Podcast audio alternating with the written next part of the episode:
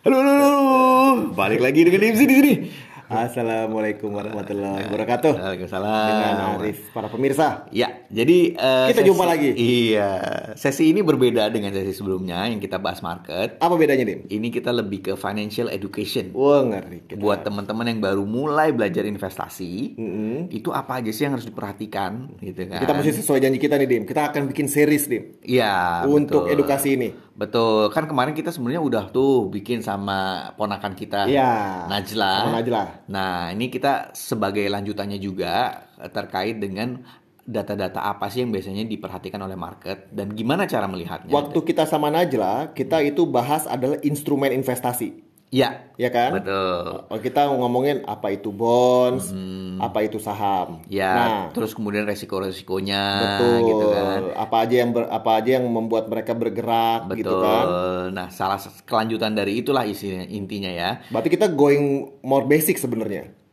Dari Kita- dari yang kita pernah bahas yang kita pernah bahas sebelumnya. Jadi apa aja yang Ya ini series of education. Betul. Jadi setelah kita bahas instrumen-instrumen investasi, Investment 101. ya, terus kemudian ada resikonya. Nah, Ya. sekarang kita masuk ke data-data apa yang mempengaruhi Yes. pergerakan market, Yes. implikasinya seperti apa, Yes. gitu. Nah, eh, kita bagi dua nih ya. Jadi eh, yang pertama ini sesi pertama ini lebih ke eh, tentang data-data ekonomi, eh, economic growth lah yang paling eh, mendasar, yang paling diperhatikan oleh market gitu ya.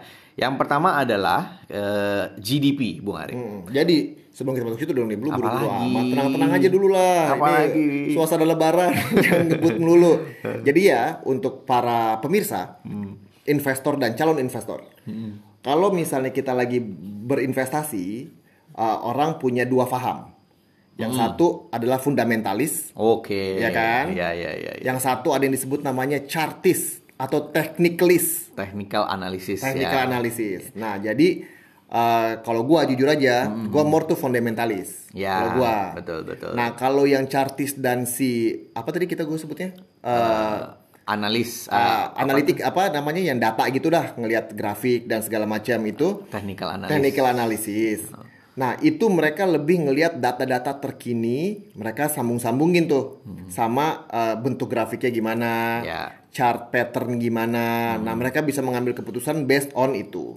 Jadi kalau technical analysis itu mereka menggunakan data historis ke dalam sebuah table, dalam sebuah grafik. Hmm. Ya. Dari grafik itu mereka analisis gitu. Kira-kira dari grafik-grafik yang telah terbentuk ke depannya seperti apa. Betul. Gitu. Biasanya, biasanya yang chartis atau technicalist ini Hmm. itu adalah mereka lebih ngelihat ke short term uh, short term move. Oh iya, ya, benar, bener, benar, kan? benar. Kalau mereka udah pakai biasanya chartis-chartis ini mereka cuma ngelihat kalau udah short term gain Ambil langsung keluar Ya, gitu. Mereka juga cari poin-poin short term kira-kira mereka bisa enter ke market tuh kapan. ya beli eh, beli at the low buy buy low sell high Betul. gitu. Betul. Nah, itu mungkin kita bisa bikin sesi berikutnya. Kita bikin nanti kita cari jagoannya. Bukan kita soalnya. Ah, sorry. Lu ya. Ya. Eh, luar biasa. Boleh. Jangan sebut kita dong. Iya, Mungkin iya, iya, lu iya, gitu. iya, betul. Iya. Nanti kalau untuk apa namanya eh, Bung Dimas nih lumayan lah kalau ngeliat-liat gitu ya terbukti Ya, dengan gak usah merah pipinya gitu dong. ya nanti kita ada sesi khusus lagi terkait dengan technical analysis. Nah sekarang kita lebih ke fundamental analysis ya. Betul. Berarti kita memperhatikan data-data nih Bung Adi. Betul. Betul ya kurang Betul, lebih ya. betul. Gitu. Nah, Nah, tadi fundamental ini lebih untuk long term holders. ya betul. Iya kan? Lebih agak long term lah. Lebih agak long term, betul. Jadi boleh kita lanjut lagi nih. Boleh dong. Ya, ke data yang pertama ya terkait dengan GDP. GDP itu sebenarnya bahasa Inggris. Gua ada bahan tentang ekonomi growth. Iya, udah keluarin lah mumpung. Ya udah, lu dulu. GDP itu gross domestic product. Apa Kalau teman-teman belajar pada ekonomi pada saat SMA sebenarnya ini sedikit diajarin sih. Lu pinter banget ini SMA masih inget ya pelajaran gini ya. Iya. Gue sih lupa kapan belajar gini waktu SMA. Ya, GDP gross domestic product atau kalau di bahasa Indonesia itu namanya PDB. Hmm, Produk domestik bruto. Ya, itu intinya sebenarnya sih cuma nilai pasar atau nilai Hmm. keseluruhan dari semua barang atau jasa, Hmm. barang dan jasa yang diproduksi oleh suatu negara Oke. pada suatu periode tertentu. Jadi semua barang dan jasa yang menghasilkan duit Ha-ha. itu dihitung dalam GDP. Iya, Oke. jadi intinya nilai ekonomi dari negara tersebut intinya kayak gitu. Oke. Ya. Nah, terkait dengan nilai tersebut itu ada empat komponen ya untuk menghitung GDP. Ini rumusnya berarti kita ya, bicara nih. ini ini Cara common, menghitung. common banget lah. Tadi yang gue bilang eh, SMA aja harusnya belajar nih Eh, komponen dari GDP itu Hmm. ada CIGX kurang M. Pasti inget tuh kalau udah keluar angka Gue apa rumus itu. gue ingetnya CIGN. R-nya ya, tuh net N export. net, net ya, ya, sama sama. Net itu ada rumusnya lagi ya. Jadi Iya. intinya sama lah. Intinya C itu adalah consumption atau eh, konsumsi dari eh, eh, orang-orang di negara tersebut. Kemudian investment, investment adalah investment yang terjadi di negara tersebut. Terus kemudian G itu adalah government expenditure ya. Terus yang terakhir itu tadi eh, ada yang menyebut N, N sebagai net dari X kurang M alias Ekspor ekspor kurang dikurang impor. impor, Oke. ya. Jadi dari perhitungan tersebut dapatlah uh, nilai dari GDP tersebut. Nominal GDP sebutnya. Nominal GDP, Nah, betul. Jadi eh, misalnya kita mau melihat eh, ekonomi satu negara tuh gimana? Mm-mm, Itu berarti kita mesti tahu dulu nominal GDP-nya berapa. betul. Betul. Ngitungnya begini caranya. Ngitungnya Nah, begitu. oke. Bukan kita ngitung ya. Bukan kita. Bukan kita. Jadi analoginya gini. Ini yang gue mau nggak sabar agak gue pengen ini. luar biasa. Biasanya kita kalau ngelihat secara eh, besaran, ini kan kita ngomongnya kan negara nih. Mm-mm, Nah itu mungkin akan lebih mudah kalau kita coba melihat ini sebagai skala yang lebih kecil. mm-mm. Nah, kalau gue selalu menganggap itu gampangnya, gampangnya itu kita sebagai rumah tangga aja deh. Oke. Kita aja deh rumah tangga. Ini skala gedenya kita analogi ke analogikan ke Betul. skala kecil ke rumah tangga. Betul. Jadi apa Gimana itu nih? ekonomi di satu rumah tangga? Itu tadi, misalnya lu dims, lu itu kerja, Mm-mm, dapat gaji, dihitung, Ya. ya kan?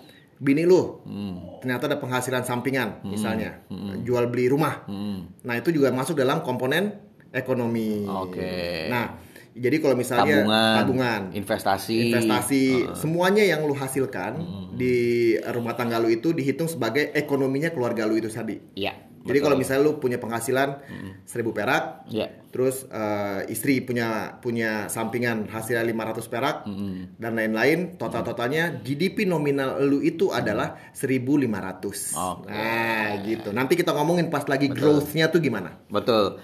Nah itu tadi adalah contoh analogi GDP supaya teman-teman lebih mengerti ya. Tapi dari GDP sendiri itu tadi disebut nilai tadi 1.500 itu adalah nominal GDP. Nominal GDP. Nah, kebanyakan itu kita eh, market melihatnya itu adalah GDP rate alias adalah raju pertumbuhan. Betul. Ya, jadi- itu yang selalu dilihat investor. Iya betul. Jadi eh, laju pertumbuhan atau GDP rate itu biasanya dalam percentage itu yang dilihat oleh investor Betul. ya. GDP rate tadi itu bisa berbentuk year on year alias dari tahun ke, Ke tahun, itu rate-nya berapa sih? Laju pertumbuhannya berapa sih? Berapa Nah. persen gitu. Atau bisa juga basisnya on quarter on quarter. Nah, Dari setiap quarter itu laju pertumbuhannya berapa? Untuk GDP ini, tadi kita udah ngomongin GDP nominal. GDP nominal itu benar-benar angka yang dihasilkan. Kayak tadi analoginya saya uh, sama Dimas tadi itu adalah 1.500. Ya. 1.000 dari lu, 500 dari sampingan. Ya. Ya kan? Nah, yang tadi Dimas omongin itu adalah namanya GDP growth. Ya. Yang itu adalah membandingkan si GDP nominal ini antara satu period dan period yang lain. Ya. Jadi kalau sekarang Dimas itu 1500, kita mesti bandingin nih. Loh, emang Dimas tahun lalu berapa? Nah, selisih antara kedua ini itu adalah GDP growth. Ya. Yang akhirnya itu memperlihatkan emang si Dimas nih ekonomi keluarganya tumbuh apa enggak sih? Wih, gitu. luar biasa penjelasan Bung Arif nih ya. Alhamdulillah Dim. Tapi selain GDP nominal, tadi ada juga istilah namanya real GDP. Kadang-kadang orang disebut real GDP. Itu intinya sih sebenarnya GDP dikurangin faktor inflasi. oh. Jadi inflasi itu kan menyebabkan nanti kita bahas ya, tapi inflasi itu kan menyebabkan harga barang naik. Oh gitu Ya. Baru tahu gue. Betul. Jadi kayak misalnya naik dari 1.500 ke 2.000 Betul. eh, GDP kita. Tapi itu karena memang eh, inflasi inflasinya juga naik. Nah, GDP real itu me- mengeksklud eh, faktor dari inflasi yang terjadi. Ah, Jadi lebih gampang membandingkan antar negara misalnya nanti gitu. Eh, para pemirsa, kalau ada misalnya yang kita ngomongnya kecepatan sekarang, karena kita eh, kita sudah membuat satu time frame ya, kita untuk ngejelasin ini, teman-teman bisa untuk mau bertanya boleh direct message kita di Eh, Eh, IG bisa, di IG kita- komen YouTube juga bisa. boleh. Itu di IG kita apa nih? Baskom underscore po. Baskom underscore POD. Nah itu Ya. tanya aja di situ. Betul. Kalau kita nggak bisa jawab, kita bohongin. Enggak lah. Kalau kita nggak bisa jawab, kita cari sumbernya sampai kita bisa jawab. Iya betul. Itu kan GDP ini harus kita compare nih Bung Arif ya tadi per period. Betul. Ya, GDP rate ya. Betul. Terus kemudian real GDP itu juga sebagai bisa kita membandingkan dengan negara-negara lain. Hmm. Real GDP-nya berapa? Karena faktor inflasi tiap negara juga beda. Oke, sebelum sampai sana. Sorry. Ntar dulu, gue selesain dulu. Ada yang terakhir itu adalah GDP per kapita. Jadi tuh? eh, GDP itu kan semakin banyak jumlah orangnya. Tadi kan eh, gua istri Oh gua iya, satu. betul. Semakin banyak yang mengkontribusi atas satu ekonomi tersebut. Ah, Jadi misalnya istrinya 4, anaknya 8 Yes. berkontribusi semua itu Betul. misalnya. Makin gede. oh, GDP-nya makin gede GDP-nya makin nominalnya. gede. Eh, beda dengan GDP misalnya keluarga yang cuma punya istri satu, anak satu misalnya gitu. Hmm, Otomatis nominal GDP-nya akan kecil.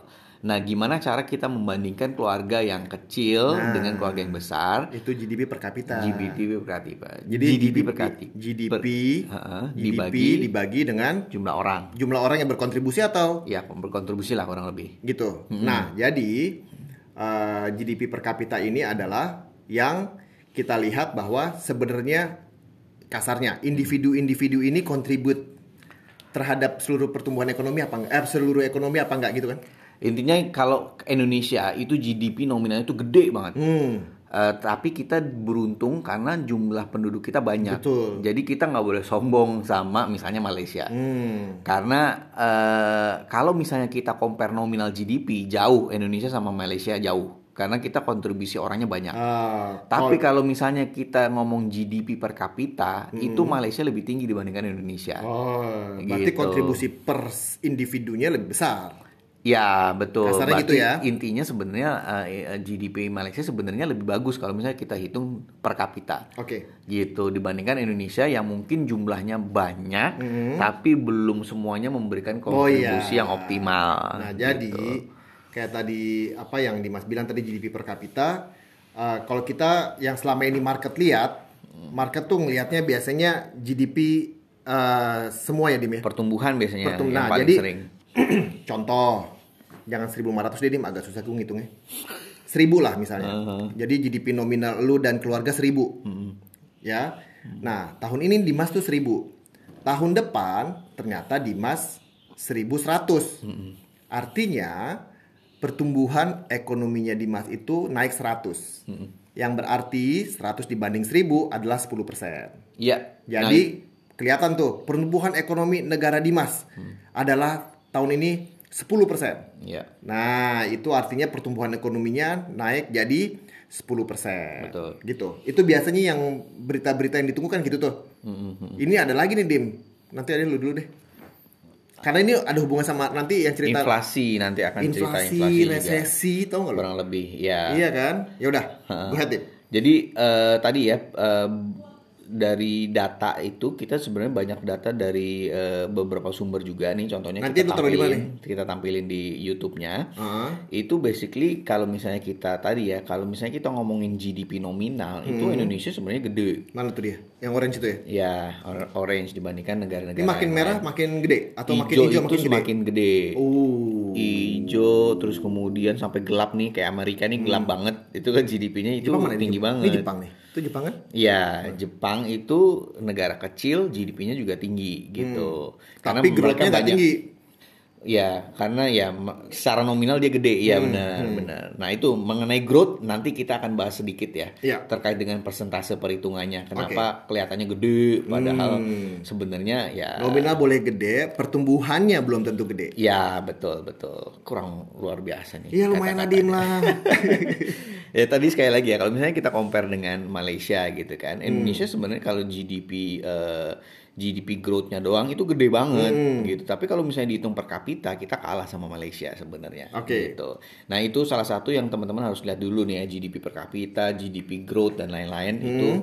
eh, teman-teman harus mengerti dulu gitu ya dan gambar-gambar ini memberikan gambaran kondisi perekonomian eh, secara global dari beberapa negara sebelum pandemi ya karena situasi pandemi ini merubah merubah segalanya lah ya nanti kita bahas juga Ya. gitu tapi eh, jadi sebenarnya dari pemerintah negara mana pun sebenarnya ingin perekonomiannya kan tumbuh pasti. Betul. Ya, jadi mereka ingin GDP rate-nya naik. Hmm. Ya. Eh, terus kemudian eh, tanpa menyebab Kenapa orang pengen GDP-nya naik terus? kenapa nih Bung Adip? Biar berarti semakin makmur dan semakin kaya kalau dia naik terus. Oke. Biasanya sekarang lu eh, punya 1000, eh besok lu cuma dapat 1030.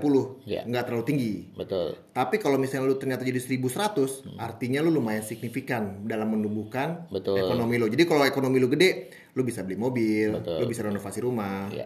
uang sekolah anak dan segala macam gampang dan lain-lain. Ya, nah eh, intinya kan sebenarnya eh, pemerintah ingin ngebus GDP rate-nya itu naik ya. Tadi pertumbuhan laju, Betul. pertumbuhan GDP-nya naik Betul. tinggi. Tapi eh, hati-hati sebenarnya pertumbuhan GDP itu biasanya diikuti dengan inflasi yang naik juga. Wush. Gitu. Nah, eh, intinya sebenarnya pemerintah tentu saja ingin menaikkan GDP tanpa menyebabkan inflasi yang berlebihan. Itu bisa. Ya, itu dia makanya itu memang eh, tentunya agak sulit karena Hmm. kalau misalnya ngomong inflasi tinggi, inflasi nanti kita bahas Betul, lah mengenai inflasi di next session ya, tapi intinya kurang lebih sekarang eh, bagaimana cara eh, perekonomian negara tersebut ingin mengebus perekonomian tersebut Hmm. dan apa implikasi dari nominal GDP eh, atau laju pertumbuhan GDP itu terhadap market ya jadi implikasinya gini ya kita masuk ke sesi eh, berikutnya implikasi terhadap Yes. eh, data tersebut ke, Yes. ke market jadi intinya gini kalau misalnya GDP growth-nya Bagus. growth rate rendah kita ngomongin rendah dulu Oh, lah rendah. Artinya berarti kan perusahaan-perusahaan itu uh, di negara Hmm. tersebut atau orang-orang di negara tersebut itu kan berarti perkembangannya rendah lah kita Betul. bisa ngomong gitu. Betul. Otomatis kalau misalnya perusahaannya uh, rendah, uh, orang-orangnya uh, pu- Pertumbuhannya rendah. pertumbuhannya rendah, otomatis kalau misalnya perusahaan lah kita ngomong perusahaan, dia juga akan sulit untuk tumbuh Hmm. ya. Jadi perusahaan-perusahaan itu kalau misalnya GDP growth rendah, otomatis perusahaan itu juga akan sulit untuk tumbuh. Jadi kemungkinan perkembangannya juga akan rendah gitu ya. Sehingga harga saham, harga saham ini kan nilai dari perusahaan tersebut kan. Jadi implikasinya apa? Ya tadi perusahaannya akan sulit untuk grow, Betul. otomatis harga sahamnya juga akan sulit untuk grow alias juga akan cenderung mengalami Iya. tekanan gitu atau naik tidak signifikan. Contohnya, misalnya pertumbuhan ekonomi satu negara. Kan tadi kan udah kelihatan tuh CIGN, ya kan? Uh, C-nya itu consumer, consumer, I-nya investment, G-nya government, sama net export gitu kan? Nah, yang tadi Dimas tadi jelasin adalah, misalnya tadi yang Dimas bilang saham satu, contoh lah, saham uh, mak- saham makanan atau saham department store, contoh, contoh doang nih. Contoh department store itu adalah bagian dari di bagian eh, rumus GDP tadi itu Di C. adalah bagian dari C, Iya, ya betul, kan? betul. Jadi kalau misalnya GDP lu itu naik banyak, artinya konsum orang-orang kan semakin kaya artinya Iya. kan, orang-orang kan semakin kaya, duitnya semakin banyak. Nah, bisalah si penduduk-penduduk orang-orang ini untuk melakukan consumption terhadap si toko baju ataupun si makanan tersebut Iya. yang mengakibatkan eh, apa barangnya makin laku Betul. akhirnya mengakibatkan salesnya jadi tumbuh mengakibatkan profitnya perusahaan tersebut jadi lebih bagus Betul. gitu Betul. Ya, jadi itu eh, jadi benar banget itu teman-teman. Jadi intinya eh, kalau misalnya roda perekonomian itu berputar dengan benar, maka konsumsinya pasti juga akan tumbuh misalnya ya. Terus kemudian orang-orang juga akan tertarik untuk berinvestasi di negara tersebut. karena punya uang juga dia Betul. Dan negara itu punya uang untuk expand. Betul. ya. Jadi dia dapat dari pajak, otomatis Yes. perekonomian muter.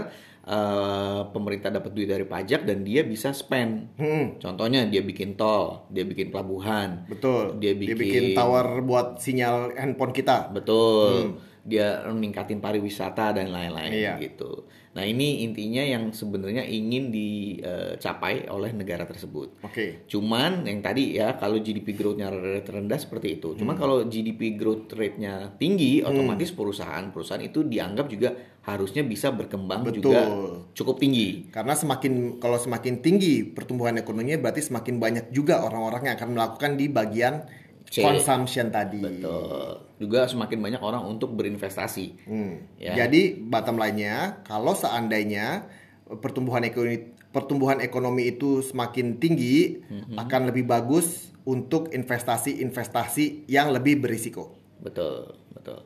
Ya, jadi kurang lebih itu sih teman-teman kita bahas mengenai GDP dan implikasi ke pasar seperti apa. Jadi eh, perkembangan perusahaan itu akan sangat tergantung juga dari GDP growth yang otomatis akan mempengaruhi harga saham dan juga mungkin obligasi ya. Nanti Karena kan- obligasi kita bahas di, di di next session tuh, Dim. Itu menarik juga tuh. Iya, karena kan misalnya gini, perusahaan itu eh, eh, apa revenue-nya rendah, otomatis dia kemampuan membayar utangnya kan semakin Oh, kecil. iya. Dan itu akan sangat berpengaruh terhadap harga obligasi Betul, juga dari perusahaan tersebut. Gitu. Jadi itulah kurang lebih implikasi ke pasar. Nanti kita akan eh, lanjut di eh, materi-materi berikutnya ya. Betul. Oke, thank you teman-teman. Siap, thank you. Bye-bye.